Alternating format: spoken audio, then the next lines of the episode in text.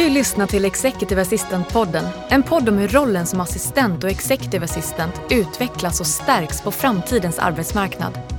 Podden produceras av Företagsuniversitetet i samarbete med nätverket IMA, International Management Assistance, rekryteringsföretaget Inhouse, röst och ljudproducenterna Online Voices samt Nordic Choice Hotels.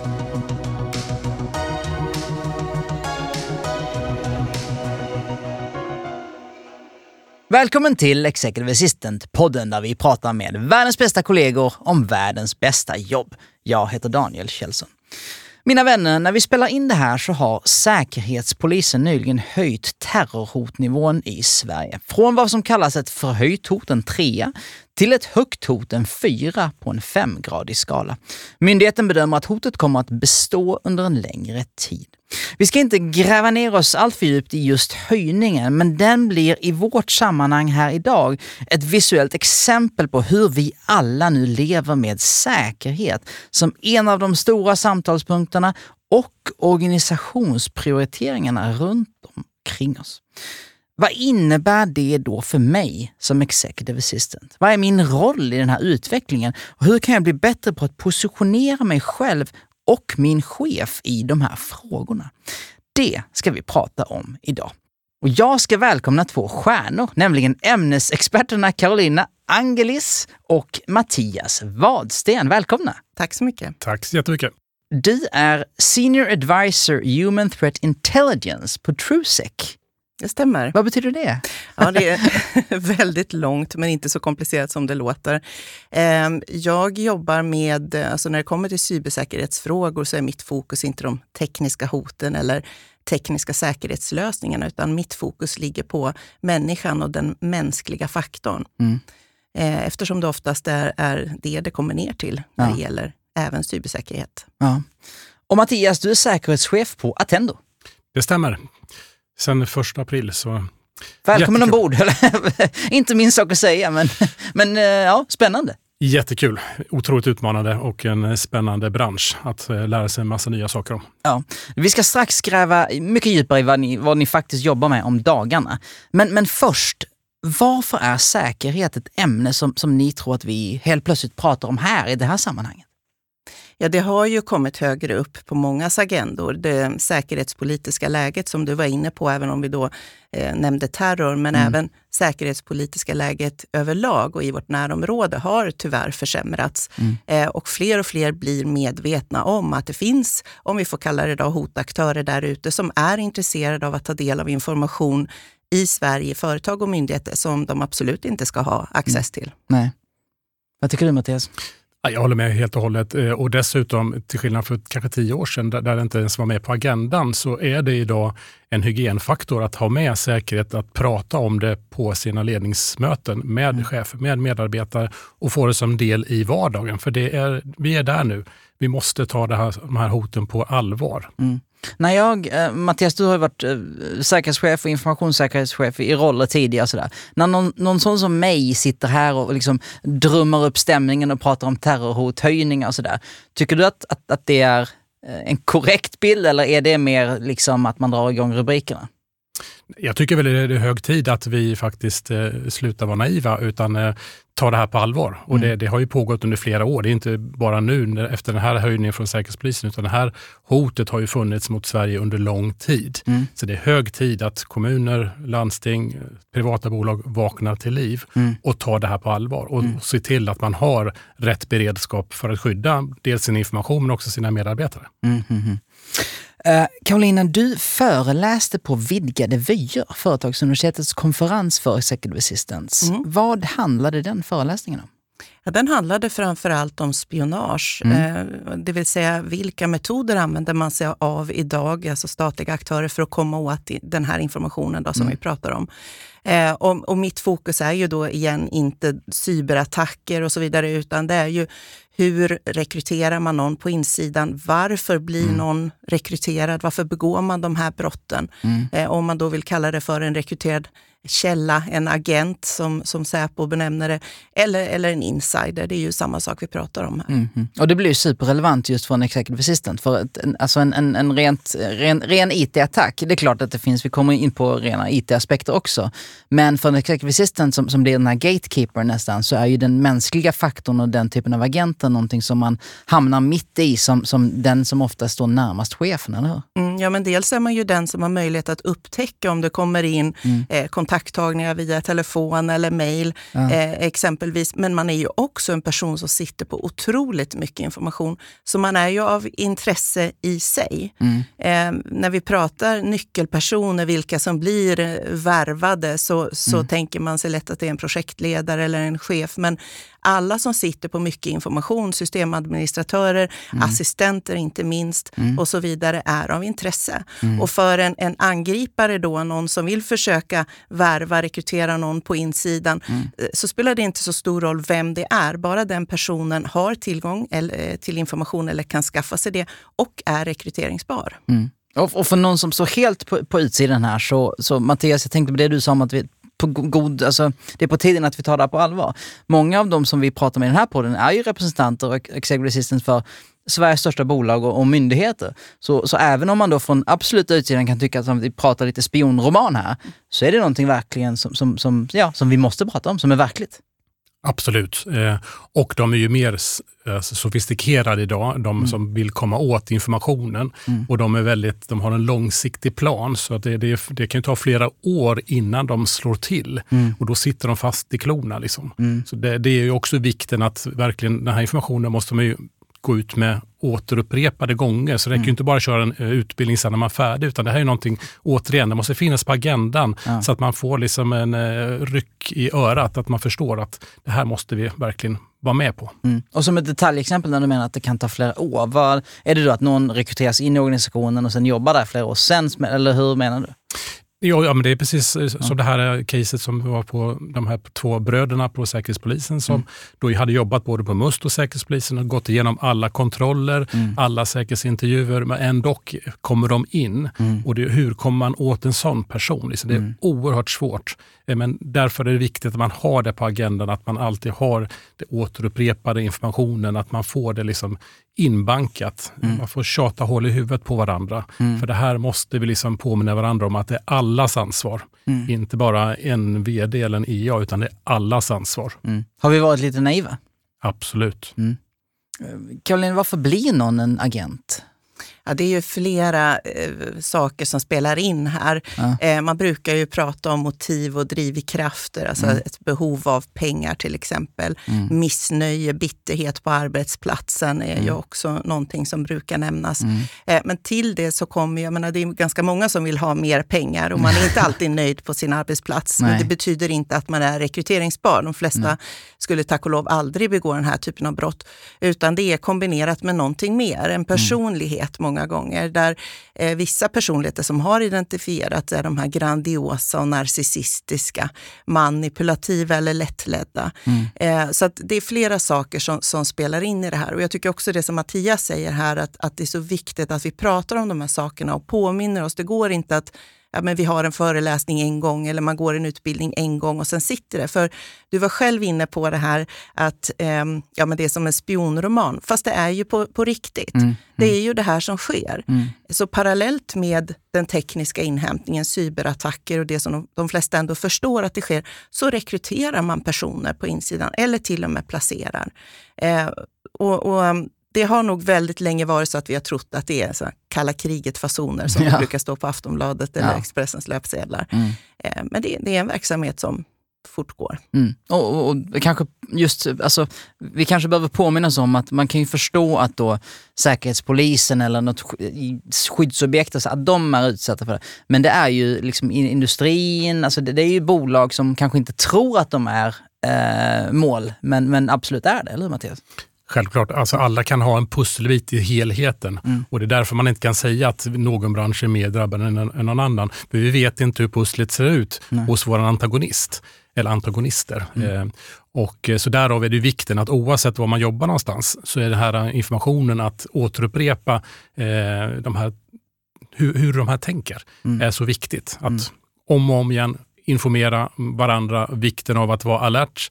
Eh, för man kan inte alltid hålla garden uppe, för till slut så släpper man ner den och det är det vi vill undvika. Mm -hmm. Om vi bygger vidare lite på din föreläsning Karolina, där, som, som eh, vi var inte alla så lyckliga så att vi satt i rummet. Eh, men, men spionage, den mänskliga faktorn.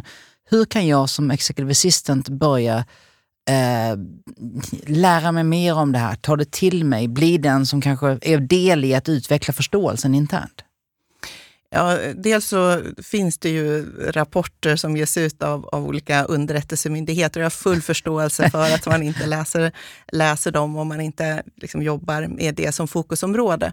Men eh, att ta del av det som rapporteras i media kring de här frågorna också. Mm. Eh, förutom den här eh, ja, två bröderna, varav den ena jobbade i underrättelse och säkerhetsmyndigheter, så har vi ju haft mm. flera mm. fall under de senaste åren. Mm. En IT-konsult som eh, arbetade inom fordonsindustrin, som mm. också var rekryterad av den un, eh, ryska underrättelsetjänsten och hade mm. spionerat för dem under flera år. Mm. Eh, och vi har flera exempel från helt andra branscher. Så att jag tror att följa med i vad som händer, gå de här utbildningarna som finns, prata om de här sakerna och framför allt inte tro att det bara händer någon annanstans i världen eller någon annan verksamhet. Utan, eh, väldigt många olika verksamheter är av intresse. Samhällsviktig infrastruktur, mm. Mm. industriella bolag, små innovativa verksamheter, kommuner och landsting, som mm. vi också varit inne på tidigare. Mm.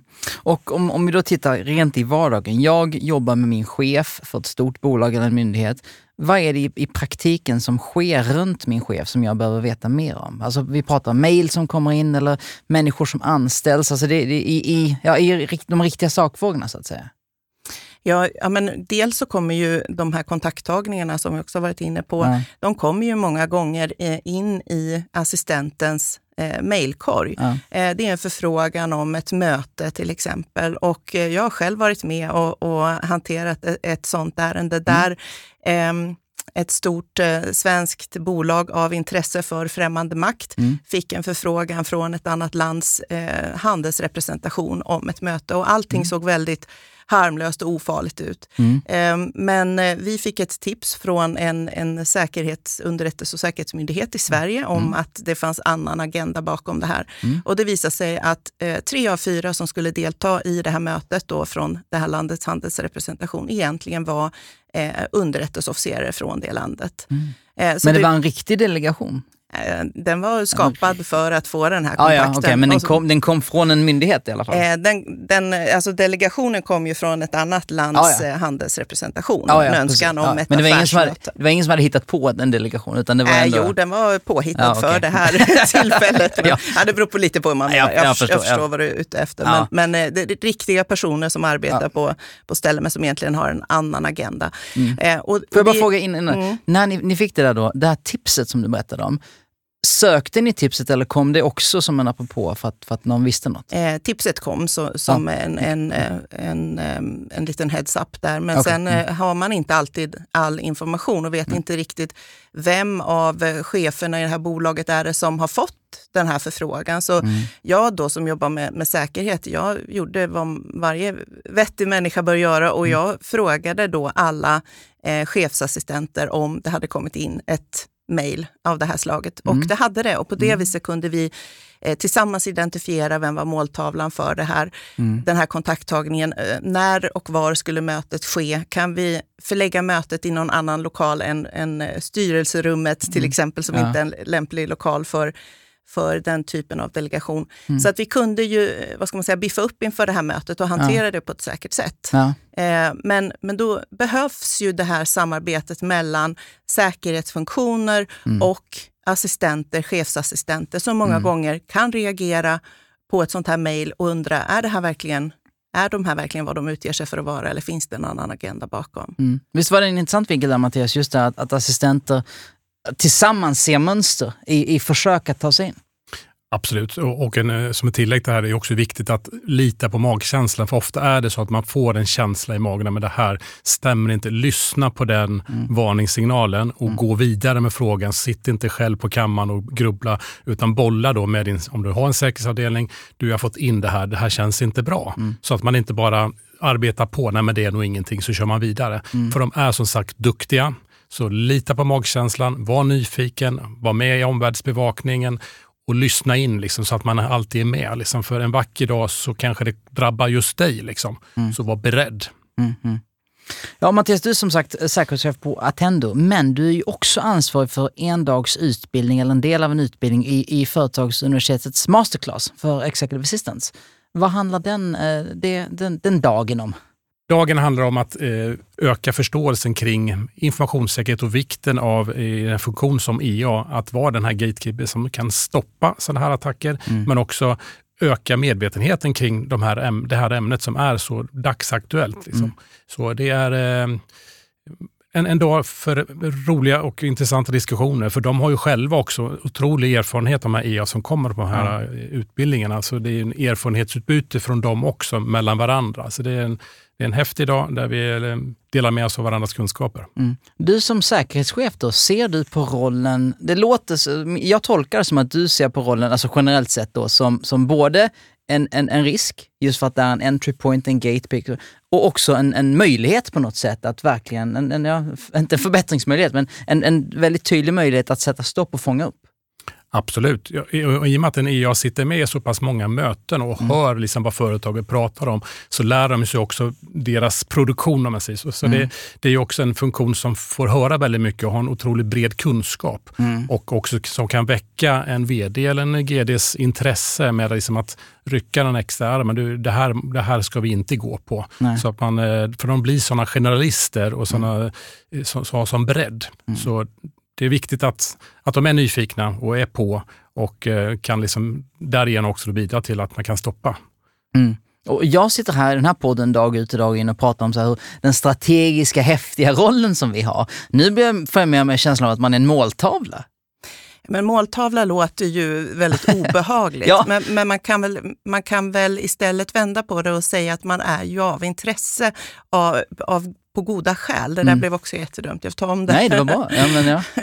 Nej, men, eh, måltavla låter ju väldigt allvarligt, men, ja. men det, jag tror det är viktigt att man förstår att man sitter på så otroligt mycket information som man, man är av intresse. Mm. Eh, och det är inte bara andra som råkar ut för det här, utan det är de som har tillgång till information och det ja. har man ju i en sån här roll. Mm, och du sa det innan också, det, det är väl en nyckelsak, just roller med mycket tillgång. Mm. Eller, det, mm. det blir också knutpunkter för intresse. Mm. Ja, men så det är ju både det som du nämner Mattias, med att vara en gatekeeper, att hjälpa chefen att, att som kanske inte alltid har fokus på de här frågorna, att tänka ett extra varv och, och uppmärksamma på saker och ting som händer, men också att förstå att man själv kan vara av intresse. Mm. Och här finns ju också saker man kan hjälpa till med eh, att påminna om man har en chef som reser mycket. Det behöver inte vara utomlands, mm. det behöver inte vara internationella konferenser, det kan vara i Sverige. Men att när man är på resande fot så är det eh, större risk att man att någon närmar sig en för att mm. knyta den här första kontakten. Mm. När man är på resande fot så har man med sig dator och en mm. massa dokument och andra saker som man inte mm. orkar släpa med sig på kvällen och de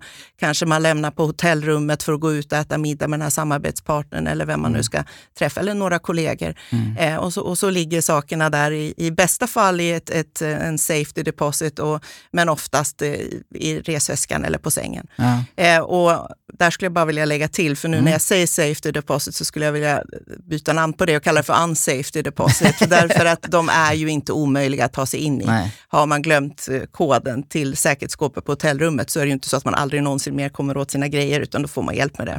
Så det ja. betyder att andra också kan komma åt det. Ja. Så det jag menar är att, att man, man kan även vara, eh, om man reser med på de här, mm. eh, så kanske man kan hjälpa till och säga, vet du, jag, jag tar hand om din datorväska medan ni är ute och äter middag, om man ja. inte själv ska vara med.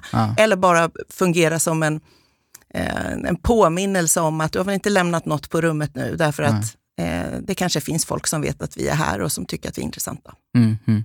Och ytterligare en sak som, är, som, man får del av i den här utbildningen också, man skapar ett nätverk ja. som man verkligen ska ta väl hand om. För frågorna är i stort, i, till syvende och sist är det samma frågor som alla drabbas av. Mm. Så att man kan ta hjälp av varandra så man slipper slippa och uppfinna hjulet på egen kammare utan man slänger ut en fråga i nätverket. Du, jag har den här utmaningen. Har någon haft något liknande? Då får man ofta ett svar ganska rappt tillbaka. Jo, vi gjorde så här. Mm. Så det är också en viktig del när man går de här utbildningarna att skapa de här nätverken, skapa kontakter för alla som IA, eller om man är säkerhetschef eller om man är informationssäkerhetschef. Mm. Eh, man delar med sig och mm. hjälper varandra framåt. För målet vi har allihopa är att man ska komma hem hel och ren och att informationen ska stanna inom företaget. Mm. mm.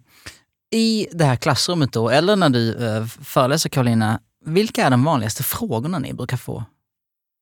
Vad spontana. jag brukar ju, om, om, man tittar på, när jag pratar om de här frågorna, så är mm. det ju vissa nationer som är mer vanligt förekommande när vi mm. pratar hotaktörer. Mm. Och det, det, är ju så det ser ut. Det är samma eh, nationer som Säkerhetspolisen och andra underrättelsemyndigheter nämner. Mm. Och då får jag ganska ofta frågan, ja men, och så mm. kommer det USA då, eller Storbritannien ja. då, eller de, mm. de eh, som vi brukar kalla mer vänligt sinnade länderna, i alla fall ur svenskt perspektiv.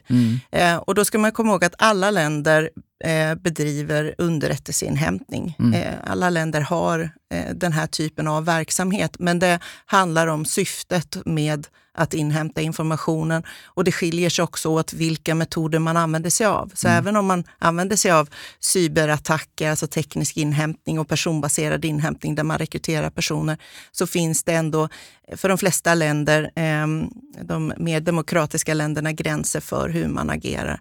Så att, eh, det är väl en fråga som jag får ganska ofta. Är det bara de här tre, fyra som brukar nämnas? Ja. Och jag brukar få frågor kring eh, information och vad man ska förvara i känslig information.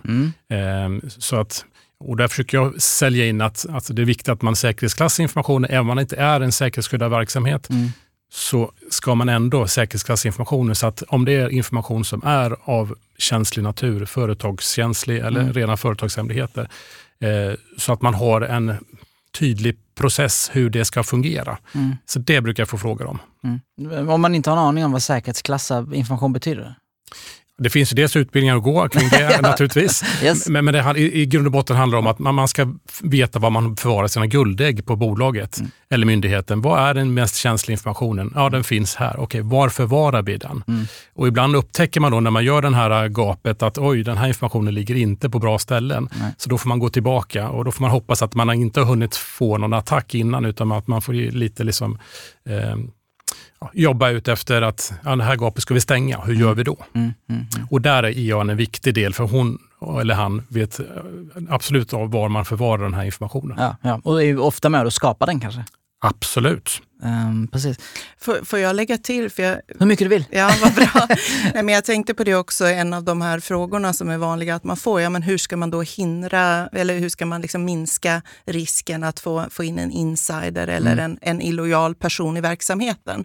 Eh, och, och, det handlar ju väldigt mycket om säkerhetsskydd, alltså säkerhetsprövning. Och, och man behöver inte vara en säkerhetsklassad verksamhet för att ta på allvar vikten av att ha rätt personer på insidan. Mm. Ingen verksamhet mår bra av att ha personer som är illojala oavsett vad skälet till det är. Eh, det finns ju flera exempel där verksamheter i princip har, har gått omkull, om man pratar affärsverksamhet, alltså gått i konkurs på grund av att man haft en enda illojal medarbetare som har lämnat över känslig information till en konkurrent eller till ett annat lands underrättelsetjänst. Mm. Eh, så, så att arbeta proaktivt med eh, security vetting eller vad man vill kalla det, alltså att, mm. att, så långt det är möjligt säkerställa att man har rätt personer på insidan. Mm. Det gör man både inför anställning, mm. eh, men man behöver också göra det under anställning. Mm. Därför att personers liv förändras och eh, det är väldigt få som är illojala när de påbörjar en anställning, utan det är mm. någonting som kan komma senare på grund av privata eller yrkesrelaterade stressorer. Okay. Som man säger. Är, det, är det så, den, den stora andelen alltså inte, kommer inte in med ett syfte utan det sker? Nej, då, den stora andelen skulle jag nog säga det är någonting som kommer senare mm. och då är det något som den här personen utvecklar eh, själv om man säger och, och mm. agerar på eget initiativ, mm. samla på sig hemlig information for a rainy day. Mm. Eh, eh, eller också att någon extern då, det behöver inte vara en statlig aktör som vi har pratat nu, det kan vara en kriminell till mm. exempel, mm. identifierar den här personen och hans eller hennes missnöje, ja. bitterhet, besvikelse, behov av pengar och så mm. vidare och sen utnyttjar det genom att erbjuda något som de vill ha, smicker, mm. eh, pengar och så vidare. Um, så, så att jag, man behöver följa upp det här och det handlar inte om att försöka sätta dit medarbetare. Det handlar om att eh, känna efter hur mår organisationen? Är det mm. någon som inte mår bra, som, som eh, mm. uppvisar ett förändrat beteende? Mm. Att man inte bara stoppar huvudet i sanden och tänker det där är nog något privat, eh, det här vill jag inte lägga mig i, eller jag kan inte misstro mina kollegor. Eh, utan att det faktiskt är omtanke att ta det här samtalet med den personen. Mm. Eh, för då kanske man kan fånga upp ett problem i tid och göra något åt det mm. innan personen har agerat eh, brottsligt eller gått mm. för långt. Mm. Mattias, det är inga lätta saker i en stor organisation.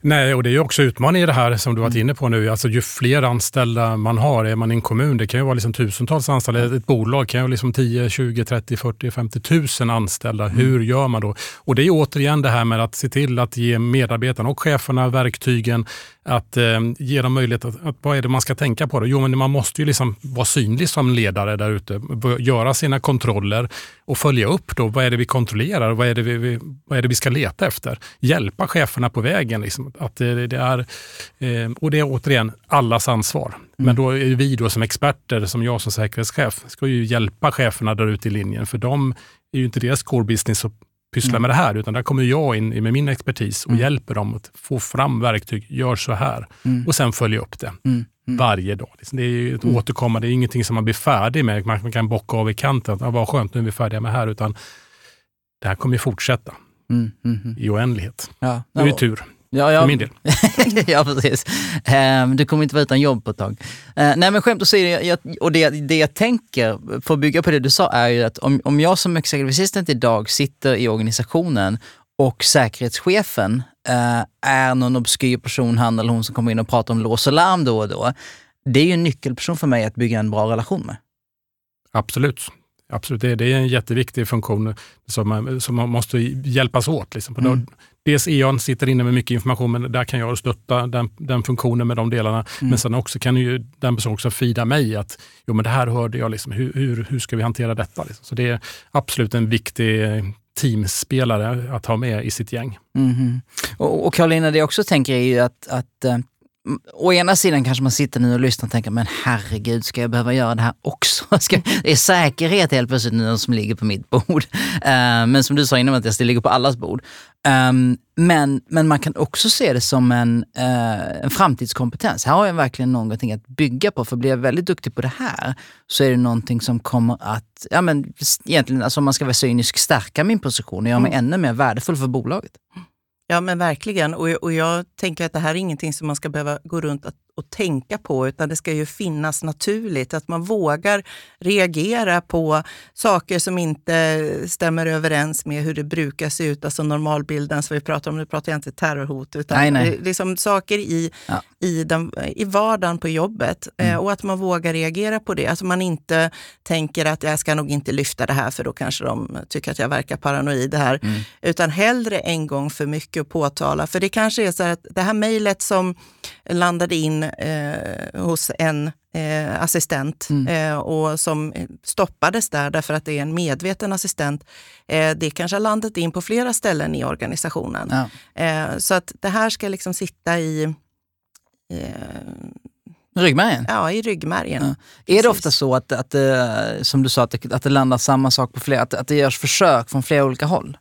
Ja, men, men det är ju samma sak som med man säger phishing, spearphishing-attacker. Ja. Att man, man skickar kanske inte ut ett mejl utan man gör det på Miljoner. flera liksom. håll. Och om man tänker sig att man försöker att rekrytera en person på insidan och den personen är för säkerhetsmedveten ja. för att gå på det här, ja. första kontakttagningarna, mm. eller är inte rekryteringsbar för man är nöjd med livet som det är och man mm. är lojal, mm. eh, då är det ju inte så att den här angriparen, oavsett om det är kriminella... Lägger ner sin eller, verksamhet? Nej, jag tänker att nej, men då struntar vi i det här som vi egentligen var väldigt intresserade av och går till något annat bolag. Utan mm. vill man verkligen in, då kommer man att försöka hitta en annan eh, vinkel, mm. eh, teknisk eller personbaserad. Men man mm. kommer ju att fortsätta. Mm. Eh, och därför är det så viktigt också att man internt i verksamheten vågar lyfta de här sakerna och prata om det. För att vi på den här enheten eller delen av verksamheten, vi gick inte på det här. Men någon annan gör kanske det och har inte samma utbildning med sig. Och det håller jag med dig till 100 procent och därav vikten, ju större arbetsplats man arbetar på så är det viktigt att sprida den här både good och bad practice och inte liksom mm. hänga ut att de har gjort fel, utan tvärtom mm. verkligen premiera de som rapporterar sånt här in till, om det är IT-avdelningen, om det är säkerhetsavdelningen, För som sagt, om det har hänt på ett ställe så kan vi räkna på att det sker på flera ställen samtidigt. Mm. Så därav vikten att verkligen primera de som rapporterar in detta och verkligen hylla dem för att vad bra att du gjorde detta. För det här liksom, nu kan vi liksom gå ut med information till alla, liksom vara extra uppmärksamma nu. Mm. På förekommande anledning har vi fått in de här sakerna, eh, så var på tå. Så det är jätteviktigt. Ett sånt eh, bra exempel tycker jag är det som har skrivits om här i sommar som jag tror att vissa eh, kanske har snappat upp där eh, flera kommuner har kontaktats av någon eller några som, som utgett sig för att, att komma från någon högskola eller universitet. Och sen har man velat, eller det man har gjort är att kartlägga säkerhetsorganisationer i de här kommunerna. Man har försökt åtminstone. Eh, och att det här lyfts fram i ljuset är jättebra. Ja. Eh, därför att det här är ju någonting som sker. Mm. Eh, och dels kan det ju vara, om man pratar social engineering, att, att liksom förbereda för att lyckas sen med en, en eh, phishing-attack. Eh, men det kan ju också vara så att man faktiskt försöker identifiera personer som man kan fortsätta kartlägga via andra, via sociala medier, Facebook och, och Instagram och så vidare, för att se, finns det någon här som vi skulle kunna närma oss? Är det någon av dem som vi är intresserade av som ska delta i något event som vi skulle kunna gå på och av en händelse hamna vid samma bord och börja prata? Så att eh, kartläggning är ju grunden för allt sånt här, oavsett om det är en cyberattack eller ett närmande. Ehm, så jag tycker det är ett jättebra exempel där man, där man liksom lyfter fram att det har hänt Ja. så att andra är medvetna om det och inte eh, kanske faller för samma sak. Mm, mm, mm. Det är precis som du sa Mattias, är, man, man ser ju framför sig hur någon går på en, en, en grej och man förlorar lite pengar och det blir en skampåle. Ehm, och som du också sa, att, att, tvärtom, för att, för att det kommer fler försök. Och, um, men jag, jag tänkte på det du sa eh, Caroline om social engineering. Det handlar ju om att, att bygga relationer med människor och, och bygga ett nätverk som du sa. När man sitter då närmst den högsta chefen kanske så är ju han eller hon såklart den, den, den ultimata måltavlan kanske för något sånt där. Och ofta som executive assistant så, så vet du ju om um, vulnerabilities tänker jag på, liksom, områden eller så, frågor eller händelser som, som skulle göra han eller hon sårbar. Hur ska jag tänka kring det här? Ja, men om man tänker så här att, att man sitter ju på information som man... man Den ultimata informationen kanske? Ja, man har ofta hög integritet i den här typen av roll. Man behöver ha det därför att just att man kanske Mm. känner till saker om eh, chefens familjeförhållanden och, och andra, alltså rent Exakt. privata, personliga saker som skulle kunna vara väldigt känsliga och som skulle kunna utnyttjas. Ja. Eh, så, så av det skälet så igen då så blir ju en assistent en väldigt intressant person. Och det behöver ju inte betyda att det är honom eller henne man försöker rekrytera om jag får lyfta mitt perspektiv på det hela då. Eh, utan att det kanske är så att man, man vill sitta ner med den här personen och, och, och tanka av honom eller henne sårbarheter och svagheter hos Eh, den här chefen som man kanske vill närma sig. Men sen skulle jag också vilja säga att, att jag är inte säker på att chefen är den ultimata måltavlan, Okej. utan att det är andra personer i verksamheten, en assistent eh, eller som jag var inne på, en systemadministratör, eller alltså personer med access till mycket information. Och kan man inte rekrytera en person med, med den bästa accessen, ja men då kan man nöja sig med någon som har tillräcklig access. Och jag skulle igen vilja lyfta den här IT-konsulten som, som arbetade i fordonsindustrin. Ja. Det var en IT-konsult som var inne i ett intressant projekt. Jag tror att det fanns eh, anställda som hade ännu bättre tillgång till information. Mm. Men han hade tillgång till information och han var rekryteringsbar. Ja. Så det är den kombinationen man letar efter. Mm. Ehm, det det, det tror jag är viktigt att ha med sig. Så, så en nyckelperson är någon med access. Ja. Ja, jag tycker det är jätteviktigt att du lyfter det, för återigen, för, för, som lekman så är det lätt att man tror, men vd, han eller hon eller generaldirektör, det, det bara för att den här är en profil så blir det en måltavla. Men som du säger, det är tvärtom. Som executive assistant kanske man ska titta neråt eller bredare i organisationen, för att där finns det mer, mer, eh, mer ultimata måltavlor. Det är ofta också väldigt svårt att närma sig den här Ja. eh, vdn eller generaldirektören, om vi pratar på den nivån, Ja. eh, utan att folk runt omkring reagerar. Därför att man kanske dessutom har andra hotbilder som man tänker sig beroende på vilken typ av verksamhet man leder. Så man kanske redan har faktiskt till och med personskydd runt sin familj. Mm. Att då som, som eh, underrättelseofficer från främmande makt försöka slå sig ner och, och Ta en liten komma middag. Nej, det, det är jättesvårt. Men andra personer i organisationen kan vara betydligt lättare att närma sig. Ja. Mattias, när vi pratar IT-säkerhet, du nämnde det innan såklart, så, så tänker jag också på, alltså det som har förändrats i arbetslivet de senaste åren är ju en, en mer distribuerad organisation kanske. I, i, alltså de uppenbara sakerna är fler videomöten, mer distans, flex, folk är inte på samma... Det är inte bara att sätta liksom en, en, någon avlyssning på styrelsebordet utan det, det sker på andra sätt. Liksom. Det måste ju ha försvårat, eller det krävs en, en tankevända till kring det här att alla jobbar med säkerhet i samband med pandemin så flyttade vi hem verksamheten och jobbade hemifrån. Och då var ju medarbetarna större risk att man kan bli distraherad och man mm. kan bli lockas till att göra saker som man kanske inte hade gjort på en arbetsplats. Att man råkar klicka på länkar eh, och inte är lika liksom, fokuserad. Mm. Och det har ju naturligtvis antagonisten utnyttjat mm. eh, och hittat den här svagheten. Och därav också vikten att man återigen lyfter frågan på agendorna. Att man har det som en återkommande punkt när man har sina möten med medarbetare och chefer. Att man faktiskt pratar om det här awareness mm. återkommande gånger. Att man aldrig kan riktigt slappna av. Och återigen, det är allas ansvar. Eh, det är inte bara eh, ledningsgrupp eller chefer utan det är medarbetarna också. Hela organisationen är ansvarig för detta och man måste påminnas om det. Mm, mm. Och, ja, förlåt.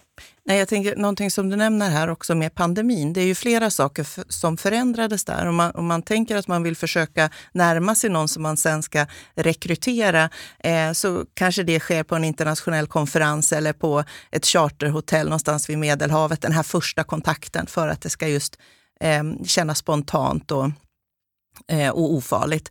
Eh, men under pandemin så försvann ju de här tillfällena att ta en första kontakt. Mm. Vi åkte inte på internationella konferenser och, och, vi åkte inte heller i någon större utsträckning på chartersemestrar. Mm. Så då flyttade mycket av det här över till, framförallt skulle jag säga, LinkedIn.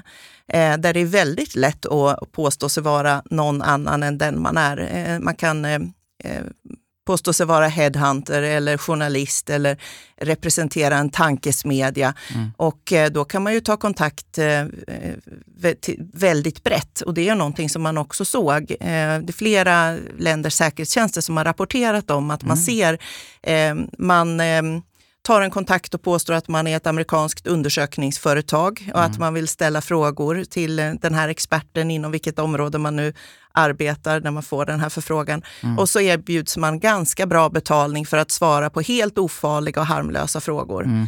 Eh, en del av de här undersökningarna är ju faktiskt precis vad de utger sig för att vara, men mm. en del är inte det. Mm. Eh, och eh, det, det, säger ändå någonting om den som eh, accepterar det här. Man är villig att lämna ut information mot betalning. Mm. Må vara att man inte gör något fel, för man lämnar inte ut någon hemlig information.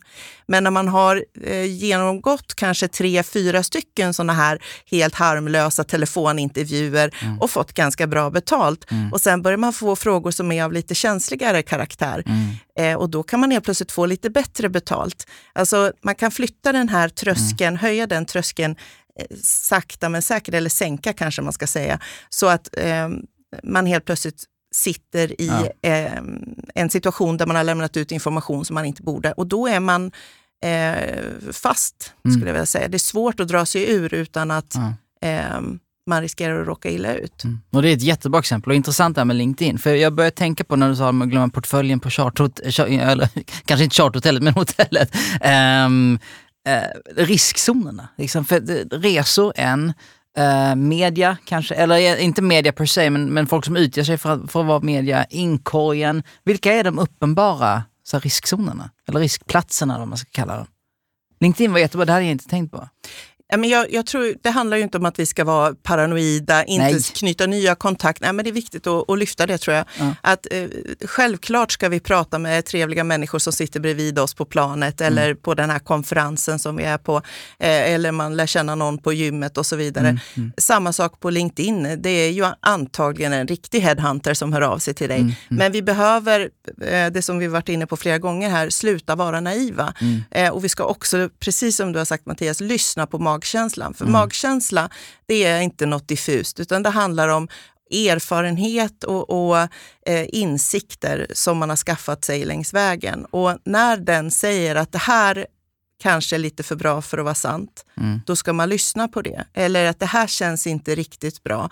Ta ett snack med säkerhetschefen, se om det är någonting man kan eh, liksom reda ut. Mm. Eh, så inte bara liksom i vad ska man säga, i riktiga livet utan även på digitala plattformar. Ja, ja. Jag tycker också det är viktigt att man har tydliga spelregler, vad som gäller när man använder företagets eh, datautrustning. Vad har Mm. man för regler kring koppla upp sig på öppna nätverk till exempel. Åh, vad bra, gratis wifi. Ja, det kanske inte är alltid så jättebra. Eh, så att man är tydlig med det att, att man inte då gör det, utan man har andra lösningar helt enkelt. Mm, mm. Eh, för det finns en, där finns en jätterisk att man då kopplar upp sig på hotellet eller på flygplatsen och ni har ingen aning om hur säkert eller osäkert det nätverket är, även Nej. att det är gratis. Så, så lite allmänt sunt förnuft kring hur vi använder våra datorer idag. Mm. Och det återigen, antagonisten har ju järnkoll på detta. De vet precis vad de ska slå till för någonstans. Mm, mm. Ehm, Så, så lite sunt förnuft, återigen återupprepa den här informationen till medarbetare. Mm. Att tänk på att ska ni ut och resa, ska ni ut och resa till vissa länder så kanske man inte ens kan ta med sig datorutrustningen hem utan då får man lämna det där, Mm. mm. så slänga det för det, det, det, den är redan eh, besudlad. Ja, ja, ja. Och det, ja, ja precis. Och, och, men hur, när du pratar med chefer generellt sett, och, och, liksom, för du lägger upp det här arbetet så att folk agerar enligt en struktur. Eh, LinkedIn till exempel, om vi använder det, eller en resa, lägger du upp A, B, C, så här gör du. Det, alltså, just resor och sånt finns Mm. ju väldigt bra plattformar redan idag. Alltså, UDs Resesäkert Mm. är ju jättebra plattform för att hitta, liksom, eh, man behöver inte uppfinna hjulet igen. Nej. Det finns plattformar för både för informationssäkerhet, det finns eh, krisinformation.se, informationssäkerhet.se, Mm. UDs hemsida om man ska ut och resa. Det finns redan mycket verktyg ute i, i, på nätet. Mm. Men naturligtvis är det bra att det finns någonstans på ert intranät vad Mm. man kan hitta om man ska ut och resa. Vad är det för regler som gäller på vårt bolag? Ja, Eh. för, det, förlåt, för det inbillar mig ju såklart att alltså, någon som du har satt upp eh, bästa ramverket och sen då om vi pratar social engineering, helt plötsligt kommer en snabb resa som jag måste dra iväg på och assistenten sitter i mitten och ser det här hända och kanske är den som just där och då är den bästa. Att, vänta, vänta, glöm inte det här, det här, det här bara. Absolut, ja, men det, det är ju en av den personens uppgifter också, att påminna Mm. sin chef. Mm. Eh, Men återigen, det här måste man ju jobba med varje dag. Bygga en säkerhetskultur, att det är lika Mm. självklart att hämta en kopp kaffe som man pratar om säkerhet. Och det är ju faktiskt så att idag pratar vi om det varje dag. Ja. Eh, Till skillnad för mm, tio år tillbaka. Men idag är det liksom en eh, mötesagendas punkt som ska finnas med. Och finns den inte med idag så är det hög tid att sätta upp den. Mm. Och Mattias, du har ju ofta tidigare pratat om, eh, har jag hört, eh, just säkerhetsarbetet som en del i affären, eller hur? Och, och i den här podden pratar vi ofta om att så en as- executive assistants roll är att optimera tiden för kanske företagets dyraste resurs, om man säger så, att vi får ut så mycket som möjligt av den resursen. Och det här arbetet, det är ju inte bara att köpa en flytväst, utan det, här är ju ett affärsarbete, eller hur? Absolut, och det är också en viktig beståndsdel för en IA också att förstå Alltså förstå businessen, förstå produktionen. Mm. Eh, så, så det, och säkerhet är en del av affären. Mm. För om man inte har det med i affären så är risken att man kan tappa hela affären. Mm. Och det kan ju handla om miljarders miljarder som Mm. man kan gå miste om. Mm. Mm. För att man inte har tänkt på vissa saker. Så det, det är absolut en viktig beståndsdel. Mm. Och den där måste förstå affären, det kan väl också vara en nyckelgrej just att bättre förstå och kunna förebygga, alltså social engineering, att man förstår vad de där, vem som sitter på informationen helt enkelt. Ja, ja men det är självklart så. Nu Mm. känner jag att jag inte hade något alls smart att säga där. nej, nej, det var en spontan alltså, det inte Ja. på. Jag bara kom att tänka på just när du sa produktionen, att ibland kanske man inte, man inte ser exakt var de, de, de nyckelresurserna finns, om man inte har koll på hur, hur organisationen flödar Mm. och, och skapar värde. Jag, jag tror jag, att jag snubblade lite där, därför social engineering det är ju liksom en sån liten del Ja, i förlåt. det. Eller om man ska säga. Det är jag som använder fel ord. Ja, nej, det- det är inte fel. Det är ju en viktig del och det används ju både liksom när man Mm. ska genomföra cyberattacker men Mm. också för att eh, inhämta information för, i kartläggningen och så för att Mm. försöka närma sig och rekrytera någon. Men det är, ju- det är ju så mycket mer i, i det här och, ehm, och saker att tänka på. Eh, som till exempel när man är ute och reser, Mm. men också på hemmaplan Ja. naturligtvis. Exakt. Mattias, omvärldsbevakning är sånt där ord som man, som man eh, ibland hymlar lite på ögonen när man hör. Men, men visst är det så att både i säkerhet, alltså inom området stort, men också för en executive assistant, att, att vara den som har järnkoll på vad som händer, det är något som man kan ta på sig och som man kan utveckla ännu mer av, eller hur?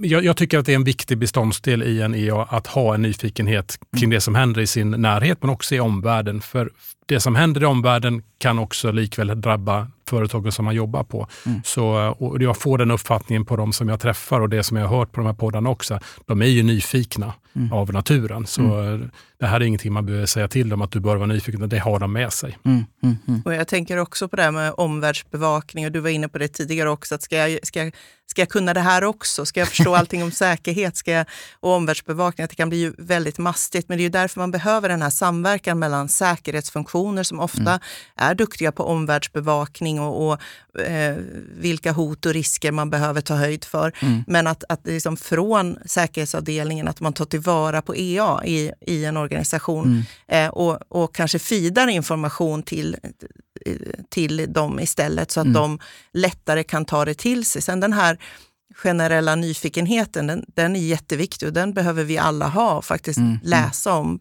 det här i tidningarna, mm. lyssna på, mm. på radio, poddar och ja. så vidare om vad som händer. Ja, och, det, och det tycker jag är viktigt, just det här med att, för om man idag har en säkerhetsfunktion i, i bolaget man, man, och, in, och det inte flödar information så borde man ju uppmuntra det tänker jag. Alltså, om, det, om du, om du liksom ramlar över saker eller läser saker som du tycker att vi andra borde läsa, dela det så, mm. så att man uppmuntrar det.